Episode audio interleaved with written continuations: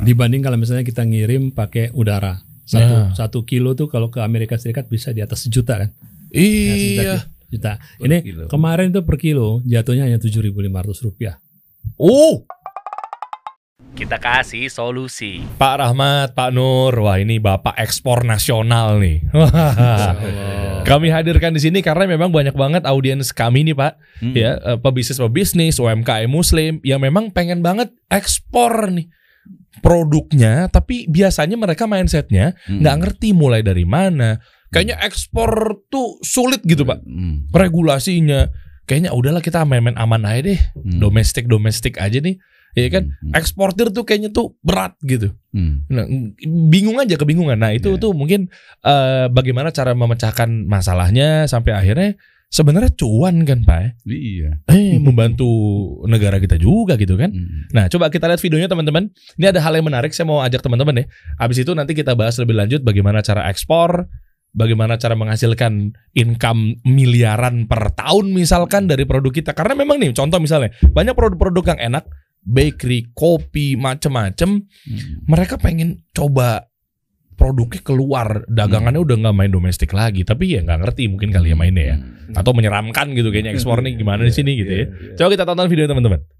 Indonesia itu selain punya beragam sumber daya alam juga punya banyak banget produk hasil olahan industri yang keren. Salah satu caranya buat bantu Indonesia itu maju, ayo kita genjot ekspor ke luar negeri. juga siap membantu pelaku bisnis ekspor untuk memasarkan produknya ke mancanegara dengan teknik digital marketing yang telah terbukti berhasil. Sejak tahun 2013 sampai hari ini, kami sudah mencetak lebih dari 300 eksportir baru. Kalian mau menambah skill kan? Mau kenal sama banyak orang dari mancanegara lagi. Kami akan ceritakan rahasia-rahasianya, teknik-tekniknya agar kamu bisa sukses. Ayo pre-order e-course-nya, nggak usah pakai ragu. mantap mantap tahan tahan dulu tahan dulu nih ini ini, ini kayaknya e-course bakal fenomenal banget nih nanti teman-teman kalau pengen tahu entar sabar sabar ya sabar ya kita mulai dari dari dari ya paling background dulu kali ya mau Pak Rahmat atau Pak Nur dulu nih kira-kira Oke, Pak Nur dulu kayaknya. Pak Nur dulu ya. Backgroundnya gimana dan uh, dari tahun berapa udah ekspor ah macam-macam lah mungkin. Atau Ya. mungkin dari kampus juga boleh Pak Oh. ceritainnya Pak. Ya saya alhamdulillah ya bisa eh, berbisnis ekspor sejak tahun 1990 sampai 90. sekarang alhamdulillah. Wow. Nah, jadi- Belum Krismon tuh Pak ya. Oke. Ya, nah saya termasuk dapat manfaat besar ketika Krismon kan. Oh gitu. Oh iya, bener. Wah, cuanisasi itu Mas Krismon ya. Ya, alhamdulillah. Jadi memang banyak dari teman-teman ini yang menganggap bahwa bisnis ekspor itu susah, itu itu itu aja yang menghantui gitu ya Hmm, seperti sesuatu yang nggak kebayang, jauh, aduh nggak Hmm. inilah apa eh, yang dipikirnya susahnya gitu. Oke, produknya produk apa Pak waktu itu? Eh, sampai sekarang mungkin ya. Ya, eh, ya sa- ka- saya eh, latar belakang pendidikan saya di IPB Institut Pertanian Bogor. Nah, Oke. jadi nggak jauh-jauh dari produk-produk pertanian ya, ya produk-produk pertanian. Tapi kalau sekarang ya macam-macam sampai ke produk handicraft juga, Oh. eh, produk-produk hasil olahan, makanan dan sebagainya juga eh, diekspor dan kami sekarang punya tim banyak eh, teman-teman anak-anak eh, muda gitu ya yang Hmm. menjalankan kegiatan eh, bisnis ekspor itu Oh, oke. gitu. Oke, kalau Pak Rahmat? Ya, eh, saya belajar ekspornya waktu saya masih kerja dulu ya. Oke. Saya masih kerja di industri migas. Kebetulan dapat peran sebagai eh, karyawan yang menangani supply chain management. Oh, saya oke. belajar tentang prosedur ekspor impor itu pada saat kerja. Hmm. Nah, tapi kalau saya sebagai eksportir eh, sendiri gitu ya, saya mulai tahun waktu ada Euro saya ingat itu Euro tahun 2004. 2004. Oke. 2004 di Portugal ya. Itu Hmm. eh, ekspor pertama tuh ekspor jersey. Oh. Jersey dari Mangga Dua tuh. Mangga dua Nah, dulu nah. ngetop tuh. Masih ada nggak sih Pak sekarang? Ah, kayaknya masih ada, cuman apa em, udah banyak sekarang Kay- kayaknya sentra-sentra produksi jersey gitu. Eh, iya iya. Nah, dulu saya ingat benar ada pembeli dari Belanda kepengen apa jersey orange-nya Belanda tuh. Oh Nah, oke. terus kita kirim tuh dari Indonesia. Wih. Belinya dari Mangga Dua. kan. Belinya Mangga Dua ya? Mangga Dua dan apa waktu itu saya bilang ini bukan bukan bukan bukan jersey asli loh. Oh, saya tahu lah itu bukan jersey asli orang juga harganya juga apa eh, jauh beda. Jauh. Ya. Tapi memang waktu itu katanya ada komunitas di Belanda yang mau nonton apa Euro ke Belanda Uh-huh. dan butuh menyeragamin tuh ininya apa anggota komunitasnya. Oh oke. Ya. Kita kirim dari sini.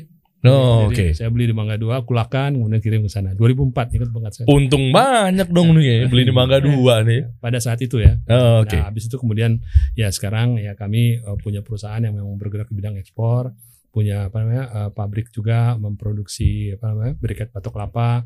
Hmm. Eh, kemudian kita ekspor ke apa? eh, Buat arang nih, Pak. Buat Dari arang. arang. buat- Iya kan? ya. Berikat tuh buat arangnya kan? Iya. Buat arang. Oh, oke. Bakar ini, bakar apa? Bohor, kemudian Hmm. apa eh, untuk barbeque ya. Ya, ya, ya, ya. Pakainya untuk Oh, oke. Ya. Tapi guys, eh, familiar nggak sih sama wajahnya Pak Rahmat di sini? Tiga kali Pak Rahmat mampir ke sini. Di sini. Iya, bahas musim live fair, eh macam-macam ya Pak ya. Ya. Jadi gimana Pak eh, klarifikasi musim live fair? Kenapa kajian dibatalkan Ustadz Khalid dan lain-lain? masih penasaran ya Soalnya kan nanti bakal ada lagi di yang di di Jogja. di Jogja ya insya Allah ya. 3, sampai 5 Juni. 3 sampai 5 Juni. Nanti kita bahas lah di tempat yang berbeda lah ya. Kali ini memang Pak Rahmat kan selaku ketua umum KPMI pusat kan. Ya. Nah, komunitas pengusaha muslim Indonesia. Nah, ini cocok banget deh. Banyak loh Pak pengusaha muslim yang pengen ek menjadi eksportir. Ini nih. Kita bahas dari keresahannya dulu kali ya. Ya. Mungkin Pak Rahmat, Pak Nur bisa cerita nih dari awal. Kenapa ya kok eksportir tuh kayak menyeramkan dan sulit ya Pak ya? Padahal di sini kan program apa ya bisa membantu negara kita juga gitu kan. Iya, betul. Banyak apa dikit sih sebenarnya Pak? Ek- pelaku ekspornya Iya. ya. Ya, jadi memang itu yang menyedihkan itu. Indonesia populasinya sekarang 270 juta lebih Heeh. orang ya. Heeh. Eksportirnya percaya nggak? 28 ribu perusahaan hanya. Masa jauh Itu. banget Nah, Pak? Jadi kalau di persentase 0,001 persen. Jadi makanya begini, pemerintah sering mendorong ya kegiatan mendorong ekspor. Tapi kalau menurut kami, kalau pelakunya masih belum bertambah, Hmm. ya susah gitu. Produk kita banyak, ba- bagus-bagus, pasarnya aja. Tapi kalau pelakunya sedikit, Oke. gimana? Ah, Jadi, ah, biasanya apa? Kenapa mereka tuh nggak ad- nggak mau coba? Ke- kenapa bisa dikit banget? Sedangkan kita mungkin kalah ya Eh, eh, sama Malaysia. iya. Ya, kalah. Tapi bukannya kita surplus Pak? Ya surplus ya, eh, eh, selama beberapa bulan terakhir ini ya. Hmm. Tapi surplusnya negara tetangga lebih besar. Gitu. Jadi Ya oke oke jadi oke. jadi gini eh ya, satu pelakunya ya masih Hmm. eh, sedikit. Kenapa? Eh, ini karena itu tadi eh, dihantui ya bahwa ini sesuatu yang susah, sesuatu yang eh, nggak bisa dikerjakan gitu. Oke. Nah mudah-mudahan sekarang ya sekarang saya tadi ekspor mulai tahun 90 pak ya 90. itu belum ada internet kalau ini belum ada Oke. apa ya Oke. jadi sekarang ada internet Eh, ada WhatsApp ada apa ah sebetulnya dunia ini seperti di dalam eh, jangkauan gitu Oh oke, karena gini kali mindsetnya. Coba saya mewakili teman-teman yang awam gitu ya. Karena mungkin terkait harga jual, mau nggak mau di markup. Nggak tahu juga nih. Saya coba awamnya aja nih. Maksudnya selain memang sulit, nggak tahu regulasi, itu juga pasti jadi Iya, isu kan pak ya. betul. Iya kan. Eh, apa jangan-jangan mungkin modalnya terkait harga jualnya keribetan atau shipping shipping gitu nggak sih? Ya kalau saya sih melihat pertama kita memang ada apa eh, mesti merubah mindset dulu ya, Hmm, merubah mindset bahwa ekspor itu mudah, Oke. Ekspor itu mudah dan kita juga merubah apa mencoba untuk eh, mengencourage ya, mendorong teman-teman itu untuk mengatakan bahwa pasar itu tidak hanya di Indonesia. Iya. Betul, pasar domestik kita besar. Iya. Eh, tapi kalau kita lihat semua negara-negara yang maju Mm-mm, ya negara-negara maju yang maju secara ekonomi mm-mm. itu dia mengandalkan pertumbuhan ekonominya dari sektor produksi dan tidak hanya mengandalkan pasar dalam negerinya tapi Ya. juga pasar dalam apa pasar luar negerinya. Kita lihat dari mulai dulu apa benua Eropa yang pertama paling apa eh, eh, maju ya. Oke. kemudian Amerika. Habis itu kemudian kita lihat Jepang. Habis Jepang Korea. Kita lihat sekarang Tiongkok. Hmm. Tiongkok. Tiongkok tuh eh, pasar dalam negerinya kan gede banget kan? Iya. Gede banget tuh Ah iya. tapi dia juga apa eh, mendorong agar semua pelaku usahanya itu me- apa memproduksi barang dan eh, menjualnya ke mancanegara. Ya jelas Nah. kayaknya semua juga Iya. made in China nih kayaknya. Nah, itu itu yang saya itu, itu kan mindset ya mindset Iya. bahwa, bahwa apa eh, pasar itu tidak hanya dalam negeri tapi Eh. juga apa pasar luar negeri dan Hmm. kita harus eh, apa berusaha menjadi eh, memproduksi barang lah ya, ya, Hmm. memproduksi barang untuk kebutuhan kita sendiri. Habis mindset ya tentunya kita sebagai muslim kita tahu lah ya eh, berilmu dulu sebelum beramal ya. Ya. Itu itu juga kunci tuh. Ya, kita oke. harus kuasai betul tentang eh, ilmunya. Kalau kita mau jadi eksportir ya Oke. kita harus kuasai ilmu sebagai eksportir. Makanya kita bikin e-course tadi. Bikin e-course tadi itu itu dalam rangka itu, dalam Oke. rangka ikut ya, ikut serta berkontribusi dalam eh, ya menularkan ilmu bagaimana ekspor itu kepada eh, masyarakat luas ya, Hmm, terutama eh, pelaku usaha muslim. Hmm, Oke. Itu ju- e-course tadi itu di apa eh, digagas oleh KPMI juga soal itu. Oh, Hmm. artinya berarti kalau nanti kita bahas lebih lanjut mengenai e-course Pak ya, Ya. bagaimana cara daftarnya, Ya. bagaimana cara Ya. menjadi eksportir yang Hmm. berpeluang untuk mendapatkan cuan gitu kan. Iya. Produk kita bisa lebih dikenal lagi ke seluruh dunia gitu kan. Hmm. Nah, Em, artinya juga bisa membantu program-program dakwah guru-guru kita dong ya, ustadz-ustadz kita ya. Kalau Ya, memang ya, ada. KPMI yang menaungi ya. Hmm. Ya, insya Allah memang itu eh, salah satu niatnya itu ya kalau Hmm. kita bisa dapat apa namanya bisa dapat revenue dari e-course ini ya tentunya itu kan nanti apa menjadi biaya operasional KPMI ya yang akan Hmm. kembali lagi kepada masyarakat dalam bentuk eh, literasi dan Ya. edukasi yang berkaitan dengan fikih muamalah dengan akidah dan lain-lain. Oh, Ya, oke. ya. Oke. Nah, Hmm. eh, balik lagi mengenai ke ekspor ini sendiri, Pak. Ya. Eh, jangan-jangan mindset orang Indonesia pengusahanya gitu masih ya UMKM ya, Hmm. masih berpikir bahwa ya gue udah cuan kok di domestik, Iya. kenapa harus ekspor ya? Hmm. Bisa kok di Shopee gue langganan per bulan miliaran nih. Hmm. Ya. Hmm. Main online shop cepet. Nah, Apa yang membedakan sehingga ada benefit-benefit tambahan ketika kita ekspor Nah. ketimbang kita main di domestik? nah tadi bicara soal uh, apa Krismon. Ah, Ya. Oke, oke. Ingat nggak waktu terjadi Krismon tahun 98? Ya, saya SD tuh. ya Eh. nah itu perusahaan-perusahaan yang mengandalkan pasar lokal atau yang tidak punya pasar ekspor habis, Habis. bergelimpangan Oh iya sih. ya gitu Ya yang sih. bisa survive adalah perusahaan-perusahaan yang punya pasar ekspor Oke. gitu. dan begitu juga yang terjadi di berbagai negara ya ketika terjadi krisis eh, kalau orang yang punya pasar ekspor dia bisa survive Tapi kan belum tahu krisisnya kapan, Pak. Kalau udah enjoy di domestik gimana? siapa bilang Saya udah mancing-mancing ya. Bapak udah ada bayangan ya. Saya suka tuh berita-berita konspirasi dan kon- kontroversi seperti itu tuh. Oh, Oke, siapa bilang ya ya ya. Iya, ya. jadi itu dan Apakah hanya itu faktornya? kemudian kan pasar kita jadi bervariasi ya, bukan Ya. hanya tergantung dari pasar dalam negeri. Tadi para cerita bagaimana RRT dulu Jepang ya, kemudian Hmm. diikutin Korea. Sekarang RRT ya tadinya negara yang eh, waktu saya kecil RRT itu kan nggak ada apa-apanya Hmm. gitu ya. Ah, Tiongkok ya maksudnya ya? Tiongkok negara miskin susah gitu tapi sekarang dengan dia berproduksi dan pasarnya dunia gitu Hmm. pasarnya dunia dan memang di di di apa didorong itu dengan sengaja bahwa memang harus mengua- pasarnya menguasai dunia sekarang kalau kita tanya pengusaha di Tiongkok ya yang di pelosok desa sekalipun dia memproduksi sesuatu mau dijual ke mana pasarnya dunia Uduh. nah gimana merubah mindset tuh Uh. pengusaha kita juga seperti itu gitu Banyak kan. negara-negara yang defisit juga ya. Terkait Dengan- dalam hal ini dengan RRC Tiongkok naik. I- iyalah, iyalah, iya, iya. iyalah. Oh, Oke. Nah, Mindset juga berarti ujung-ujungnya. ya? ujung-ujungnya ya mindset. Nah, kemudian ya harus belajar, tapi belajar caranya. Dan bagi kita yang Muslim sebetulnya Hmm. Rasulullah udah mencontoh. Rasulullah kan dulu pedagang. Iya. Pedagangnya pedagang apa? Dagang Pedagang- mancanegara. Antar negara. Oh iya iya. Kalau iya. bahasa sekarang ekspor impor itu. Oh, Oke. Iya, Iya iya benar juga ya. Iya. iya, jadi beliau itu punya wawasan yang luas makanya gitu. Nah, Hmm. Jadi penting buat teman-teman juga ya para pengusaha muslim memang kita harus meraih ini. Iya iya iya. eh, Bayang nggak anak anak 9 11 tahun lah ya. Eh? Rasulullah kan mulai waktu waktu kecil tuh mulai berdagang kan umur 9 yang ada riwayat yang mengatakan 11 tahun. Iya. Dan dia sudah memperdagangkan barang dari Mekah ke Yastrib, kemudian dari Mekah ke Syam. Syam. Iya. Itu kan luar biasa loh. Itu dahsyat Dahsyat itu kan. Iya. itu iya, contoh tuh. Iya iya iya. Itu kalau lihat di Google Map jaraknya dari Mekah ke Syam berapa lebih dari 2000 km. uh pakai apa ya kalau boleh tahu ya?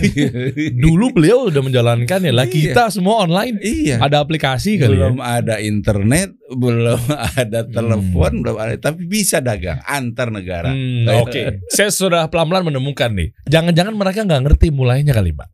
Jangan-jangan. Jangan-jangan nggak ngerti. Coba boleh boleh boleh kita ki- kasih tahu nggak ke teman-teman? Hmm. Mungkin Pak Nur, Pak Rahmat bisa kasih solusi gitu kan ke teman-teman ya. Hmm. Gimana sih cara mulai ekspor nih? Gitu, daftarnya ke mana? Ada kaitannya sama Kementerian Perindustrian gak kah? Atau kayak menaker kah? Apalah nggak tahu lah saya. Hmm. Ya.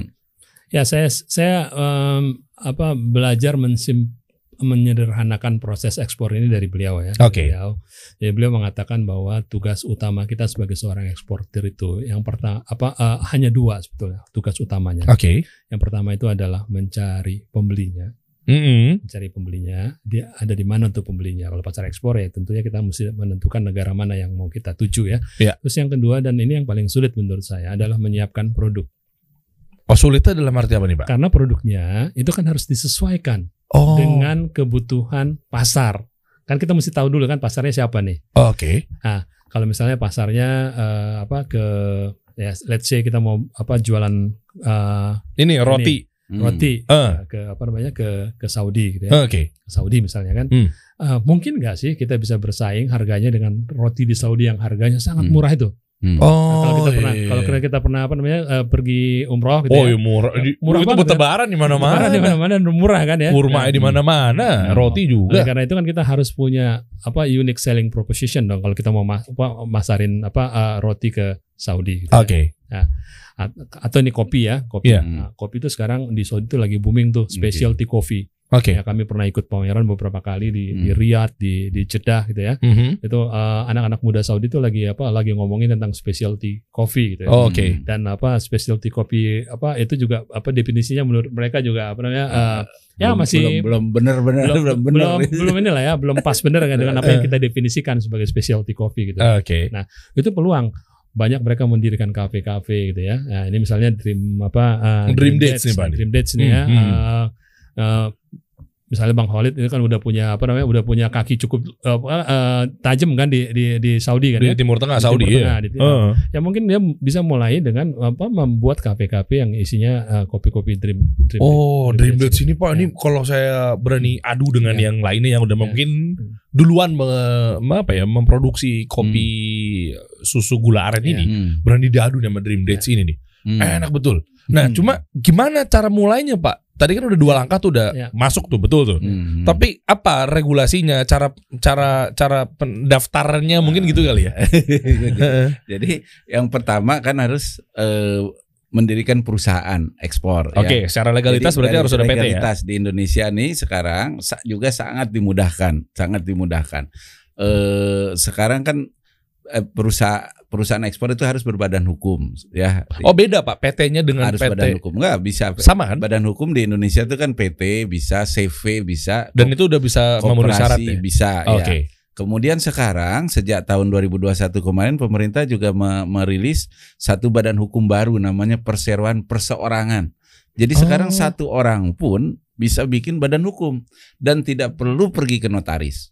Ah, masa Pak? Iya, cukup be- buka akses ke Ditjen AHU ya, Administrasi Hukum Umum ya. Mhm. Itu Ditjen HU daftar nah, ada eh, caranya ikuti peraturan pemerintah nomor 21 eh, nomor 8 tahun 2021 tentang perseroan perseorangan. Nah, itu sangat mudah ya selain PT, CV, koperasi ya. Begitu dia punya badan hukum, punya NIB nomor induk berusaha namanya sekarang kan semua perusahaan harus punya NIB itu ya. Iya, iya. Itu juga gratis kan, ya online aja Hmm. daftarnya juga sangat mudah. Satu lagi NPWP, udah cuma punya tiga itu, jadilah perusahaan kita perusahaan eksportir. Oh, Bisa. ini nih Ah. bisa catat. ekspor Bisa, Bisa ekspor ekspor. tuh ya. Berarti Bisa ekspor. catat ya. Jadi Nggak perlu notaris apa ya? nah, kalau perusahaan perseorangan, kalau Oh. PT kan tetap per- Saya pakai notaris gitu, Kalau iya, iya. CV Karena PT. notaris ya Hmm. kan, koperasi harus ke notaris. Jadi banyak orang yang menganggap bahwa eh, ba- membuat badan hukumnya, izin-izinnya nggak perlu sekarang cukup punya NIB aja.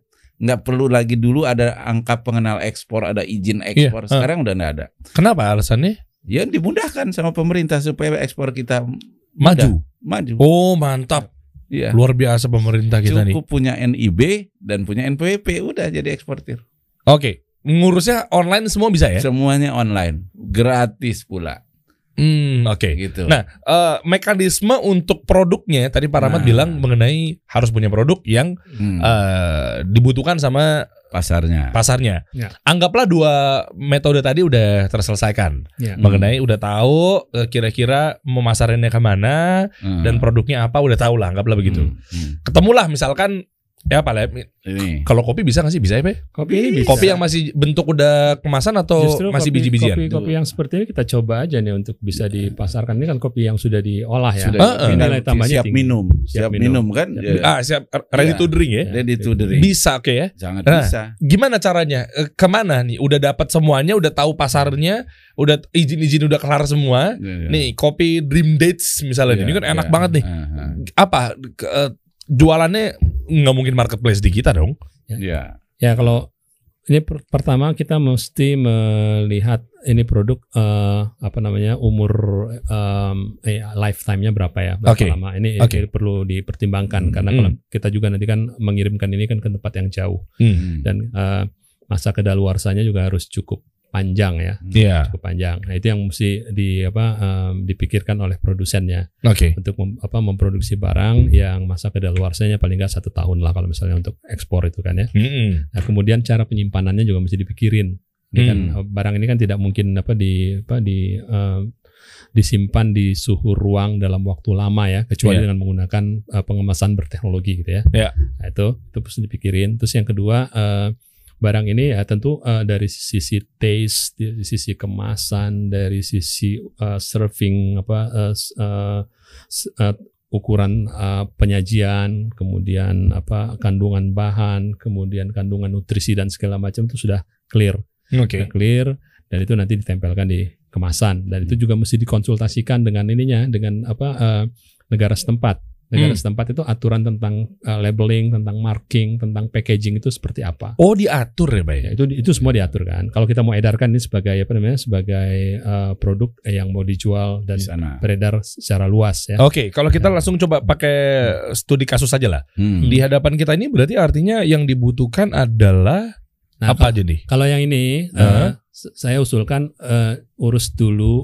izin edar di Indonesia lah sebagai ini ya sebagai sebagai- ini kan kalau mau diedarkan di Bepom Indonesia kan, misalnya. di, di sini kan harus ada sertifikat halal ya. Hmm. Ya, itu kan wajib ya sertifikat Ya. halal kemudian kita harus punya izin edar dari Bepom Oke. Nah, Oke. itu untuk di Indonesia Ya. di negara lain pun sama Ada Negara- Bepom juga ya? ya ada Ya, ada Oke. ada yang apa eh, otoritas yang mengatur tentang apa namanya eh, Peredaran peredaran, makanan. makanan, Hmm. kosmetik ya Hmm. yang untuk yang dikonsumsi itu semua negara punya semua negara itu punya aturan sendiri-sendiri tapi ada aturan standar internasional yang bisa kita jadikan acuan panduan gitu ya Oke. kayak misalnya eh, untuk produk-produk seperti ini ya itu tadi kalau misalnya dia sudah punya apa eh, yang paling bagus kalau ini bisa dapat ISO 22000 Oh, ISO-nya berapa, Cewek? Berapa? 22000 ISO 22000 22000.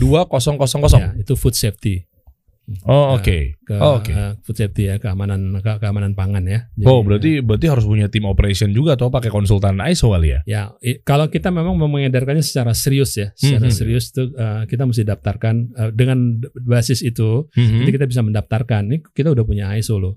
Hmm. Dan nanti kan Kalau belum ada ISO-nya apa eh, menjadi penghambat? eh, nggak jadi penghambat, tapi kita tetap harus meregistrasi. Dan Hmm. ketika diregistrasi itu kan ada persyaratan-persyaratan dokumen yang harus kita penuhi. Oh, oke. kan? Nah, itu yang apa eh, mungkin itu yang dianggap sebagai sesuatu yang, Yang- ribet.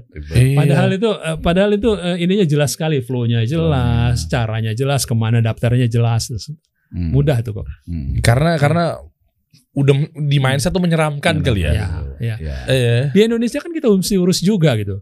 Oh iya. Hmm. Kan di, di Indonesia kita urus kan, kalau kita mau ke negara lain ya kita urus juga dong. Oh, oke. Logo halal MUI juga perlu dipakai nggak, Pak? Enggak, maksudnya saya nggak nanyain si logonya yang baru apa yang lama.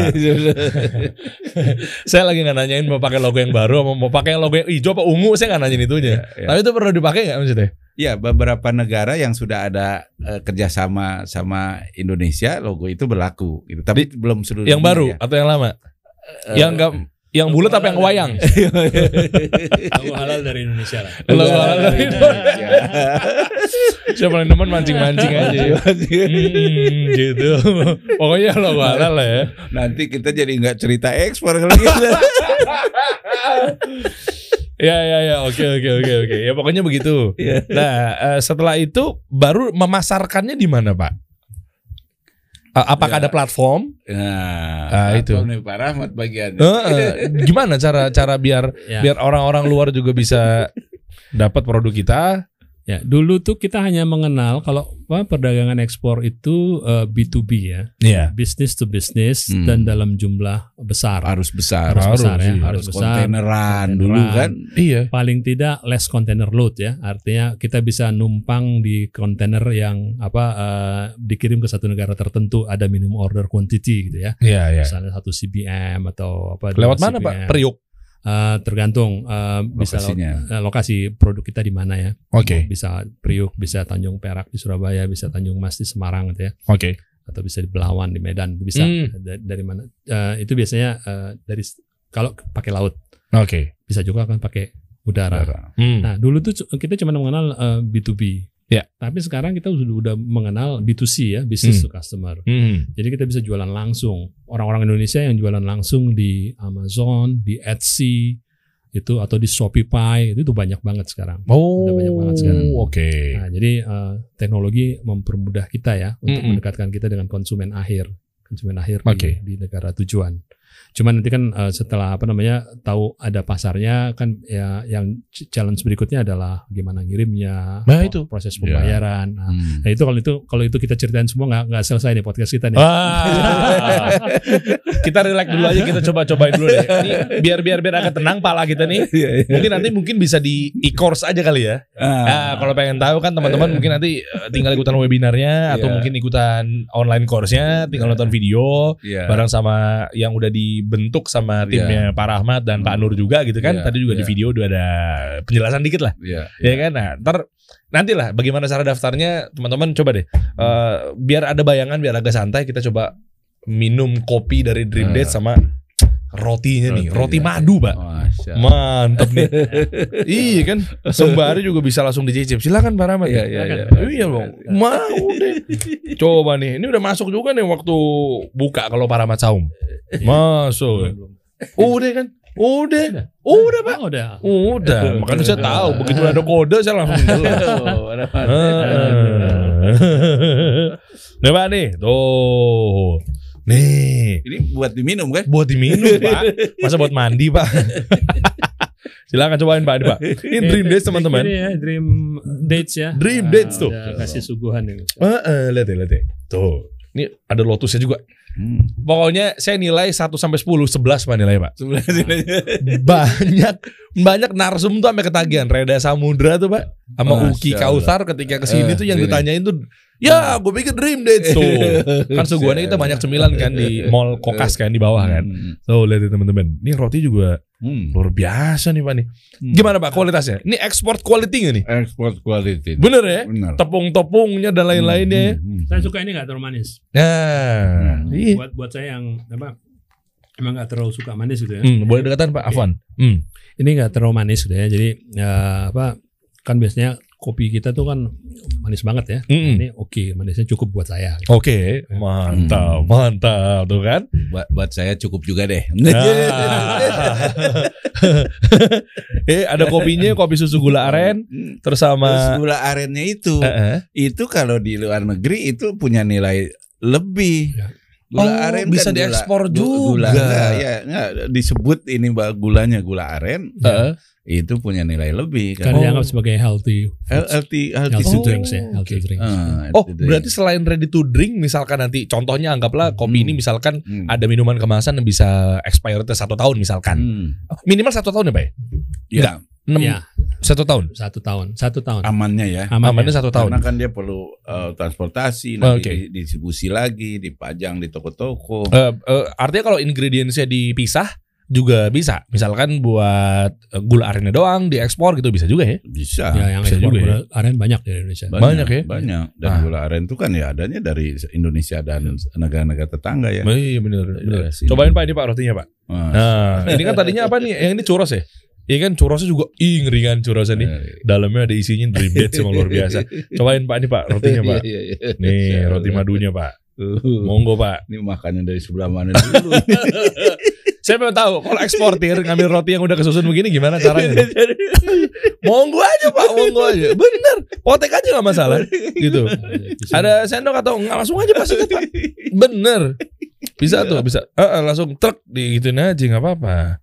Nah, ini buat buat Pak Rahmat sama Pak Nur spesial nih. Nah, cobain Pak nih. Be. Cobain nih. Oh, ini kayak roti ini ya, roti roti sobek gitu ya. Iya, roti sobek. Hmm, Oh kan? Gimana tuh Pak? Gimana tuh Pak? Hah? nendang. Nendang. ah, mantap gak guys? Hah? Gimana tuh gimana tuh? Mantap ya. Ah ini sambil kita nyemil-nyemil Hmm. eh, masih penasaran juga saya mengenai eh, ya ekspor lah ya intinya ya. Nah, eh, ekspor itu kan biasanya kan eh, sangat dekat banget dengan sekuritas lah ya. Ya keamanan ya apa segala macam gitu. Terkait pembayaran, pengiriman, ada juga loh Pak, mungkin jangan-jangan dia bukan nggak mau ekspor, tapi takutnya pernah ada cerita pengalaman dia ekspor atau temennya ekspor, taunya nggak dibayar Hmm. sama pembeli yang ada di luar negeri. Nah, Nah itu gimana tuh Pak? nah padahal Mm-mm. di dalam bisnis ekspor itu sudah ada instrumen-instrumen yang membuat ekspor itu jadi jauh lebih aman daripada kita berbisnis sama tetangga sekalipun. Masa? Emang iya Pak? Itu kan. Emang iya? Ya kalau eh, ada namanya LC, letter of credit umpamanya ya, yang sedemi- sedemikian rupa kita ekspor itu tidak mungkin tidak dibayar. Coba bisa begitu. Tidak mungkin tidak tidak mungkin dibayar. tidak dibayar. Apa nih eh, fiturnya atau indikasinya apa? Itu berupa instrumen yang memang udah kesepakatan internasional namanya LC letter of credit ya sistem Oh, oke. pembayarannya Oke. menggunakan LC umpamanya. Oh itu semacam payment gateway-nya. Eh, bukan apa ya, eh, sistem antar bank di seluruh dunia. Oh, oke. Ah, yang Oke, oke. rupa dan eh, kita sebagai eksportir itu menerima surat letter of credit itu yang memastikan bahwa kita pasti dibayar dan uang si pembeli itu sudah ada di banknya. Oh jadi Ya. bayar dulu baru barang dikirim. Enggak, tetap bayarnya sih eh, nanti sesudah kita memastikan bahwa barang kita sudah dikirim, uangnya akan cair. Oh, jadi macam- menunggu barangnya sampai. Oh macam Shopee gitu Pak? Maksudnya kan kalau, Kalau itu payment gateway. payment gateway? Enggak enggak bukan. Ya, Eh Itu ininya pengembangannya ya. mekanismenya. Saya Ya, saya saya, saya ya. awam ya. Ya. Eh, justru saya nanya apakah eh, kita ngomong mekanisme, Hmm. mau itu fiturnya mau Shopee, Tokopedia atau Hmm, apa pun hmm, itu hmm. yang sistem atau regulasi atau mekanismenya tuh ketika barang udah nyampe Hmm, dia konfirmasi pesanan diterima hmm. sehingga uang cair dari satu mediasi atau mediatornya atau Iya, mungkin iya, agregator atau mungkin maklarnya diturunin tuh duit. Begitu Iya. juga nggak sistemnya? Ya justru lebih tua kalau di itu kan sistem perbankan yang bekerja ya kalau Oke. kalau di ya, letter of credit itu. Ya. Kemudian kan sekarang berkembang lah menjadi payment gateway gitu. Oh, oke. Gitu. Dulu itu uangnya udah harus dititipkan di bank si di negara tujuan Hmm. eh, oleh si pembeli. Oh, lebih kuat dong ya. Nah, kemudian si negara, eh, si bank itu menerbitkan surat. Surat itu yang namanya letter of credit. Oke, ini menarik Nah, nih guys. jadi- Berarti lebih kuat ya. Soalnya kan kalau ngomongin payment gateway, Hmm. sependek pengetahuan saya, itu kan ada masuk di third party, pihak Ya. ketiga. Ya. Hmm. Pihak ketiga. Ya Iya. mungkin ada OI atau mungkin ada Ya. Nice Pay. Hmm. Ya, ya, ya, ya, saya coba sebutin brand-brandnya lah intinya begitu. Hmm. Ya kan? Nah, eh, itu kan swa, swa- ya bukan swasta ya, tapi lebih kepada independen mungkin atau swasta atau ya Hmm. apalah itu namanya. Hmm, hmm. Yang potensinya eh, mungkin bukan selevel bank. Iya, iya. Kalau yang ini justru malah LC itu levelnya level bank. bank dan perjanjian antar bank internasional ada lembaganya yang mewadahi itu. Oh, oke. Ada kesepakatannya internasional. Tidak ada satu bank pun di dunia yang berani untuk dia nerbitin aset tapi nggak mau bayar gitu. Tidak Oh, mungkin itu, tidak oke. mungkin. Oke. Gitu. Jadi itu sampai sebegitunya gitu. Makanya eh, kita ekspor dalam jumlah yang eh, berkontainer-kontainer berapa santai-santai aja karena pasti dibayar gitu. Hmm, Kalau pakai LC sejauh Ya sejauh nih yang kita kirim sesuai dengan yang kita sepakati spesifikasinya. Gitu. Oh, dan dokumen-dokumennya memenuhi syarat yang diminta oleh pembeli. Oh, jadi kalaupun ada tidak ada pembayaran apa segala macam, tidak terjadinya transaksi, itu Hmm. pun malah justru kemungkinan besar dari si pengirimnya. Nah, Oke, begitu misalnya jadi. pen- pengiriman nakal, tidak sesuai dengan akad yang Angkat dijual yang belikannya. Iya, Oke, malah gitu. justrunya dia nggak mau bayar karena lah kan nggak sesuai. Nggak sesuai. Ya, begitu. Ah, itu, itu. Oke, kalau terjadinya, ah gini pak, ini menarik. Kalau di domestik, kalau ada apa-apa, Hmm. salah kirim barang, salah size baju, salah ini, ini berupa barang lah. Ya. Kan gampang pak, tinggal ya udah pak kirim balik aja pak, pakai ekspedisi Hmm. Favorit anda. Iya. Nggak lama tuh nyampe barang yang udah aslinya. Atau minimal Hmm. kalau udah sedekat itu sama eh, konsumen Pembeli. dan si produsen ya, Mm-mm. tinggal bilang ya udah ntar kita gojekin aja nih Hmm. gosen apa segala macam Ya, misal ya, oh, ya. alamatnya deket kak aku, atau mungkin bahkan si ownernya sekalian aku keluar jalan deh Hmm, hmm. aku taruh aja di rumah kakak misal Ya. lah kalau ini kan antar negara pak antar negara. Makanya ya itu perlu Gimana? ilmunya karena ja- jangan sampai terjadi itu ya eh, itu karena rumit sekali kalau minta barangnya kembali. Ah, rumit sekali. solusinya Nah, karena itu ada nanti ya di e-course itu di detailnya tuh ya. Wah, nanti ini. ada lembaga namanya eh, apa eh export academy eh maaf eh, bukan apa bukan bukan eh kok jadi lupa? Apa, Apa semacam eh, Sukovindo Surveyor, surveyor. surveyor ya surveyor. Oh, oke. pihak ketiga yang Mhm. memastikan bahwa barang yang kita kirim itu punya spesifikasi begini begini begini.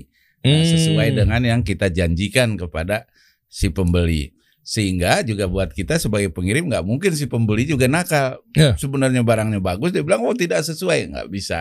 Oh, oke. Gitu. Ada mekanisme oke. seperti itu itu Oke. nah itu ya perlu ada ilmunya. Ilmunya sih nggak susah-susah amat. Iya iya iya iya. Belajar insya Allah ti- tidak sulit. Nah cerita tentang di KPMI ya sebelum e-course ini kita juga udah buat pelatihan-pelatihan yang offline udah sejak tahun 2013, 2013 Oh, oke. pelatihan. di berbagai kota berpindah-pindah ya mau pelatihan dan itulah yang kata Pak Rahmat tadi mudah menghasilkan lebih dari 300 eksportir baru yang tadinya nggak eh, ngerti ekspor ya, ini, wah, dengan eh, Waduh. apa luar ini Saya jadi pengen nih. Iya. Eh, Oke, eh, sebelum bahas e-course dikit lagi Pak. Apa hubungannya sama Aspenco Pak? Hmm. Pak Rahmat ini kan selaku CEO di Aspenco, apakah memang ini adalah sebuah platform yang untuk memudahkan para eksportir untuk menjual produknya atau seperti apa? Ya, itu memang platform yang kita bangun Uh-uh. untuk eh, menyediakan pasar ya, Mm-mm. pasar bagi para eh, pelaku UKM Indonesia yang ingin ekspor ke luar negeri. Oke. Uh, jadi uh, kit- ya kami terinspirasi dengan apa yang dilakukan oleh Jack Ma tahun 94 dengan Alibaba. Oh, oke. Dulu Alibaba tuh uh, dibangun karena ingin membantu pengusaha-pengusaha Tiongkok Hmm. untuk bisa go internasional. Iya. Ya, mereka apa punya keterbatasan dari sisi jumlah produk, kemudian mungkin keterbatasan juga dalam mau ikut pameran ke luar negeri nggak punya biaya, nggak bisa bikin visa, nggak punya network dan segala macam gitu ya Mm-mm. Akhirnya dibikin Alibaba. Akhirnya kita tahu sekarang kan dia apa perusahaan-perusahaan Tiongkok eh, pelaku UKM-nya kan sudah go internasional. Uh, gede Ya. Alibaba ya. Nah, terinspirasi dari situ Indonesia harus punya. Oh, oke. Indonesia harus punya eh, dan kami mulai ya, kami mulai dan teman-teman yang lain juga banyak ya. Hmm. Kami ada di asosiasi platform digital ekspor itu eh, apa eh, udah banyak lah teman-teman dari Indonesia yang bikin platform ini. Ya. Nah, platform ini tidak hanya sekedar pasar. Mm-mm. Kalau menyediakan pasar, mempertemukan pembeli dan penjual, itu aja nggak cukup. Mm. Hmm. Itu aja nggak cukup. Kita juga membangun ekosistem, Mm. membangun ekosistem ekspor di apa di di Aspenku ini. Salah satunya ini kita apa eh, capacity building ya, Oke. peningkatan kompetensi.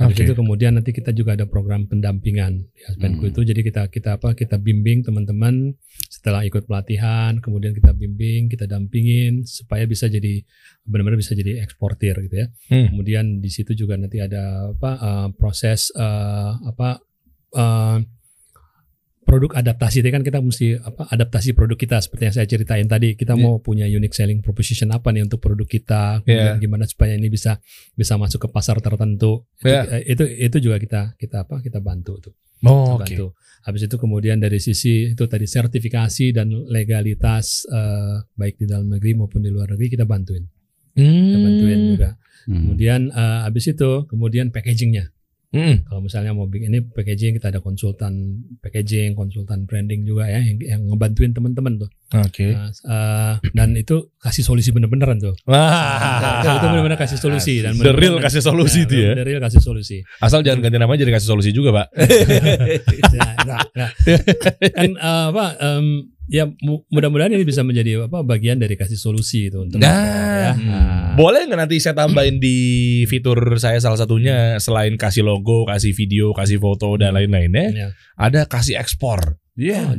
Boleh ya nanti Iya, boleh banget. teman-teman jadi bisa mengekspor produknya para pengusaha muslim di sana lewat platform kami. Iya. Iya Ya. bisa tuh Ya. nanti tuh, Pak. Mantap. Tuh, habis itu kemudian kita juga apa mempermudah eh, pengiriman. Ya. Pengiriman kita ada ekspor barengan. Mm-mm. ekspor barengan itu kan kalau misalnya kita ngirim eh, cuman punya eh, apa eh, barang cuman eh, 50 kilo 100 kilo Oh bisa. dikirim pakai udara ongkosnya mahal Hmm. Iya. ongkosnya mahal kemudian kalau dikirim pakai laut nggak masuk ke minimum, Minimum. order quan- quantity tadi MOQ-nya kan minimal misalnya 1 CBM 1 ton 2 ton gitu ya Uh-huh. ini cuman kita punya 50 sampai 100 kilo Oke. Nah, makanya kami bikin menggagas uh, program ekspor barengan. Jadi kita udah apa kita udah laksanakan itu. Kita kirim ke Selandia Baru waktu itu ya, satu kontainer isinya banyak produk dari Hmm. UKM UKM kita. Wah. 70 perusahaan, 70 itu perusahaan. ada di dalam satu kontainer. Satu kontainer yang berapa feet, Pak? 40 feet. 20 feet. 20 feet. 20 feet. Iya. Itu mahal loh kalau kita cuma ngirimnya berapa 50 kilo gitu. Oh iya Ya. nggak mungkin Eh. iya makanya. Kita pernah juga ngirim ke gudang uh, Am- Amazon. Amazon di Amerika gitu ya. Hmm. Uh, apa itu juga uh, murah sekali jatuh jatuhnya gitu untuk pengirimannya ya. Untuk Iya. pengirimannya karena dikirim via laut kemudian barengan. Barengan. dibanding kalau misalnya kita ngirim pakai udara satu Ah. satu kilo tuh kalau ke Amerika Serikat bisa di atas sejuta kan Ya, sejuta, Iya. juta ini kilo. kemarin tuh per kilo jatuhnya hanya 7.500 rupiah Oh, jauh banget ya Sampai Jauh di banget. gudangnya sampai Amazon di gudangnya Amazon dari mantap. Jakarta. itu juga solusi kasih solusi Kasih solusi. Ya. Ya udahlah tanpa berlama-lama Ya. kalau pengen tahu lebih detail, Ya. ini cara eh, teman-teman buat daftar di online course-nya dari Pak Rahmat, Pak Nur eh, terkait gimana caranya orang bisa menjadi eksportir cepat Hmm. gitu kan. Hmm. Nanti apa aja Pak benefit-benefit yang didapat di online course-nya? Ya, di situ ada video-video ya Oke. yang bisa diakses bagi yang sudah eh, mendaftar nanti. Hmm. Dan ada eh, urutan-urutan juga sebaiknya juga jangan loncat-loncat ya, harus dan nggak bisa Nggak, Oh, kita kita oh. bikin nggak bisa loncat Oh, ada bisa tesnya. loncat. kan itu ada Nah. berbasis standar eh, apa kompetensi, kerja Kompetensi. nasional Indonesia Jadi, SKKNI jadi SKKNI. ini materinya Oke. juga bukan sembarang materi, jadi memang ada standar kompetensi Kerja sesuai nasional. dengan SKKNI standar kompetensi kerja nasional Indonesia Mm-mm. untuk bidang ekspor. Kalau nggak kan oke ini misalnya chapter 1. Hmm. ada 18 unit kompetensi di e-course ini Oh, oke. 18 unit kompeten- kompetensi masuk dari unit kompetensi Satu. Oke. Dengerin Dua. videonya semua Mhm. sampai selesai. Satu video tuh cuma 20 menit. Mhm. Tadi Tapi kalau misalnya satu unit kompetensinya agak panjang, jadi bisa, Bisa satu unit kompetensi bisa beberapa video. Oh, Oke. Beberapa video. Habis selesai video itu, Mhm. itu nanti ada tesnya The test. dan juga ada tugas. Oh, Oke, nanti itu dikumpulin di apa submit ke situ. Eh, ka- ya kalau tesnya online juga ya, Uh-huh. online langsung nanti ada penilaian lulus apa enggak. Kalau Hmm. udah lulus baru bisa masuk ke materi Jenjang berikutnya. Ini baru keren nih online course-nya Iya. nih, karena memang Iya. ada standar kompetensinya. Ya, Terus tugasnya itu harus dikumpulin ke grup WA. Oh, kalau nggak lulus, eh? Kodarullah nggak lulus. Ya ulangin lagi Ulang aja. lagi. Oh, ulang lagi. Dengerin lagi aja. Nggak lulus lagi, ulang lagi sampai lulus. Oh, ya. Jadi- ingat Eh. di ini juga nanti ada ininya ada apa eh, temu dengan fasilitatornya Ya. eh, secara eh, webinar. webinar gitu. Kita adakan sebulan sekali. Wah. Sebulan sekali. Oke, kalau misalnya ada pertanyaan kenapa saya nggak lulus lulus atau kemarin saya apa Ada waktu dengerin ada yang ada yang belum jelas gitu itu bisa ditanya. Oke, jadi ngulangin lagi kalau nggak lulus ngulangin lagi artinya nih materi bisa diakses seumur hidup. Iya. Sumber hidup. Iya. Jadi nggak ada yang nanti Bayarnya subscribe. sekali aja. Bayarnya sekali tapi Nah. berlaku untuk seumur hidup. Ya, Enak banget, nggak perlu ada langganan gitu, subscribe per bulannya gitu nggak ya? enggak. Sekali bayar materi aja, sekali beli course-nya ini. Ya. Iya. Wih mantep. Oke, yang apa kira-kira? Paket 18 ini ya. Iya, iya, iya. 18 unit kompetensi. Benefitnya apa aja Pak kira-kira selain bisa menjadi eksportir? Kira-kira untuk eh, ketika ikutan Ya dengan Hmm. demikian bisa gabung di Aspenku ya secara eh, gratis Oke. ya kemudian produknya bisa diikut mejeng di situ ikut Wis. dipasarin di sana kemudian juga nanti ada tawaran-tawaran lain untuk eh, ikut program ekspor barengan kalau sudah punya produk produknya sudah siap ya gitu kita Oke. ada dan selain itu juga kita ada pro- program-program eh, yang lain ada kita ada misi dagang ke luar negeri ya itu juga berapa kali kita adakan ke beberapa negara nanti eh, eh, disampaikan tuh kepada para Hmm, eh, siapa yang mau ikut. yang mau ikut. Wow, jadi direkomendasiin juga gitu ya. Hmm. Oke, insya Allah potensi income bisa miliaran nggak Pak per tahun tuh? Satu kontainer itu rata-rata- Coba kita hitung hitungan. Saya kalau untuk Ya. hitung hitungan, Ya. saya mau keluarin kalkulator sakti saya. Eh, percuanan saya di mana ada cuan di situ ada Diriansa. Gimana Pak? Coba simulasi simulasi simulasi. Simulasi aja misalnya kita Eh. punya punya apa punya ba- barang ya barang satu kilo Eh, harganya misalnya si apa lima puluh ribu ya Satu kilo lima puluh ribu. lima Oke. rupiah gitu ya satu satu kilo Ini apa nih HPP? Eh, harga jual. Eh, harga Harga jual jual lah, harga jual Harga ya. jual, oke. Oke. Nah, satu kontainer itu kan 18 ton kalau misalnya 20 feet Coba. Ini saya hitung dulu ya guys ya. Lima puluh ribu misalnya produk kita satu kilo. satu kilo Satu kilo, apa pun produknya lah, mau baju, mau apa Ya, gitu kan. kan bahkan ada yang kurang ada yang lebih ya ada tergantung yang ya. lebih kira Pak Nur lah saya udah tawa-tawa ya.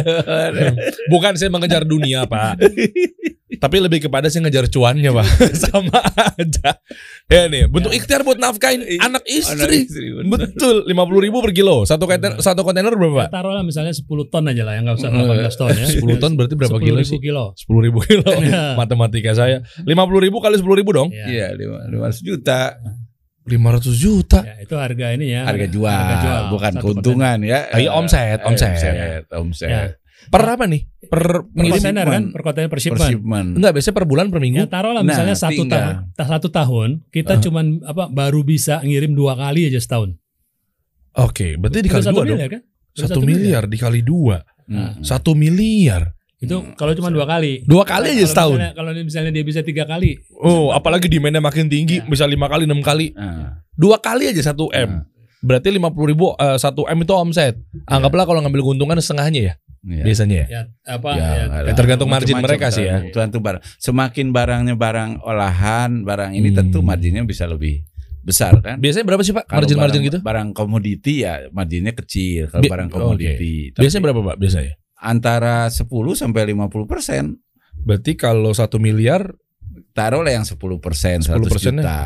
100 juta 100 juta. per tahun. Ini baru loh dengan dua baru- pengiriman dua ya. Pengiriman. Bagi Iya. 12 Terus eh, Sebulannya bersih 8 juta. Kalau cuma dua pengiriman. Jadi banyak juga peserta pelatihan kami nih Bapak nih ngomong aja bener nggak nih?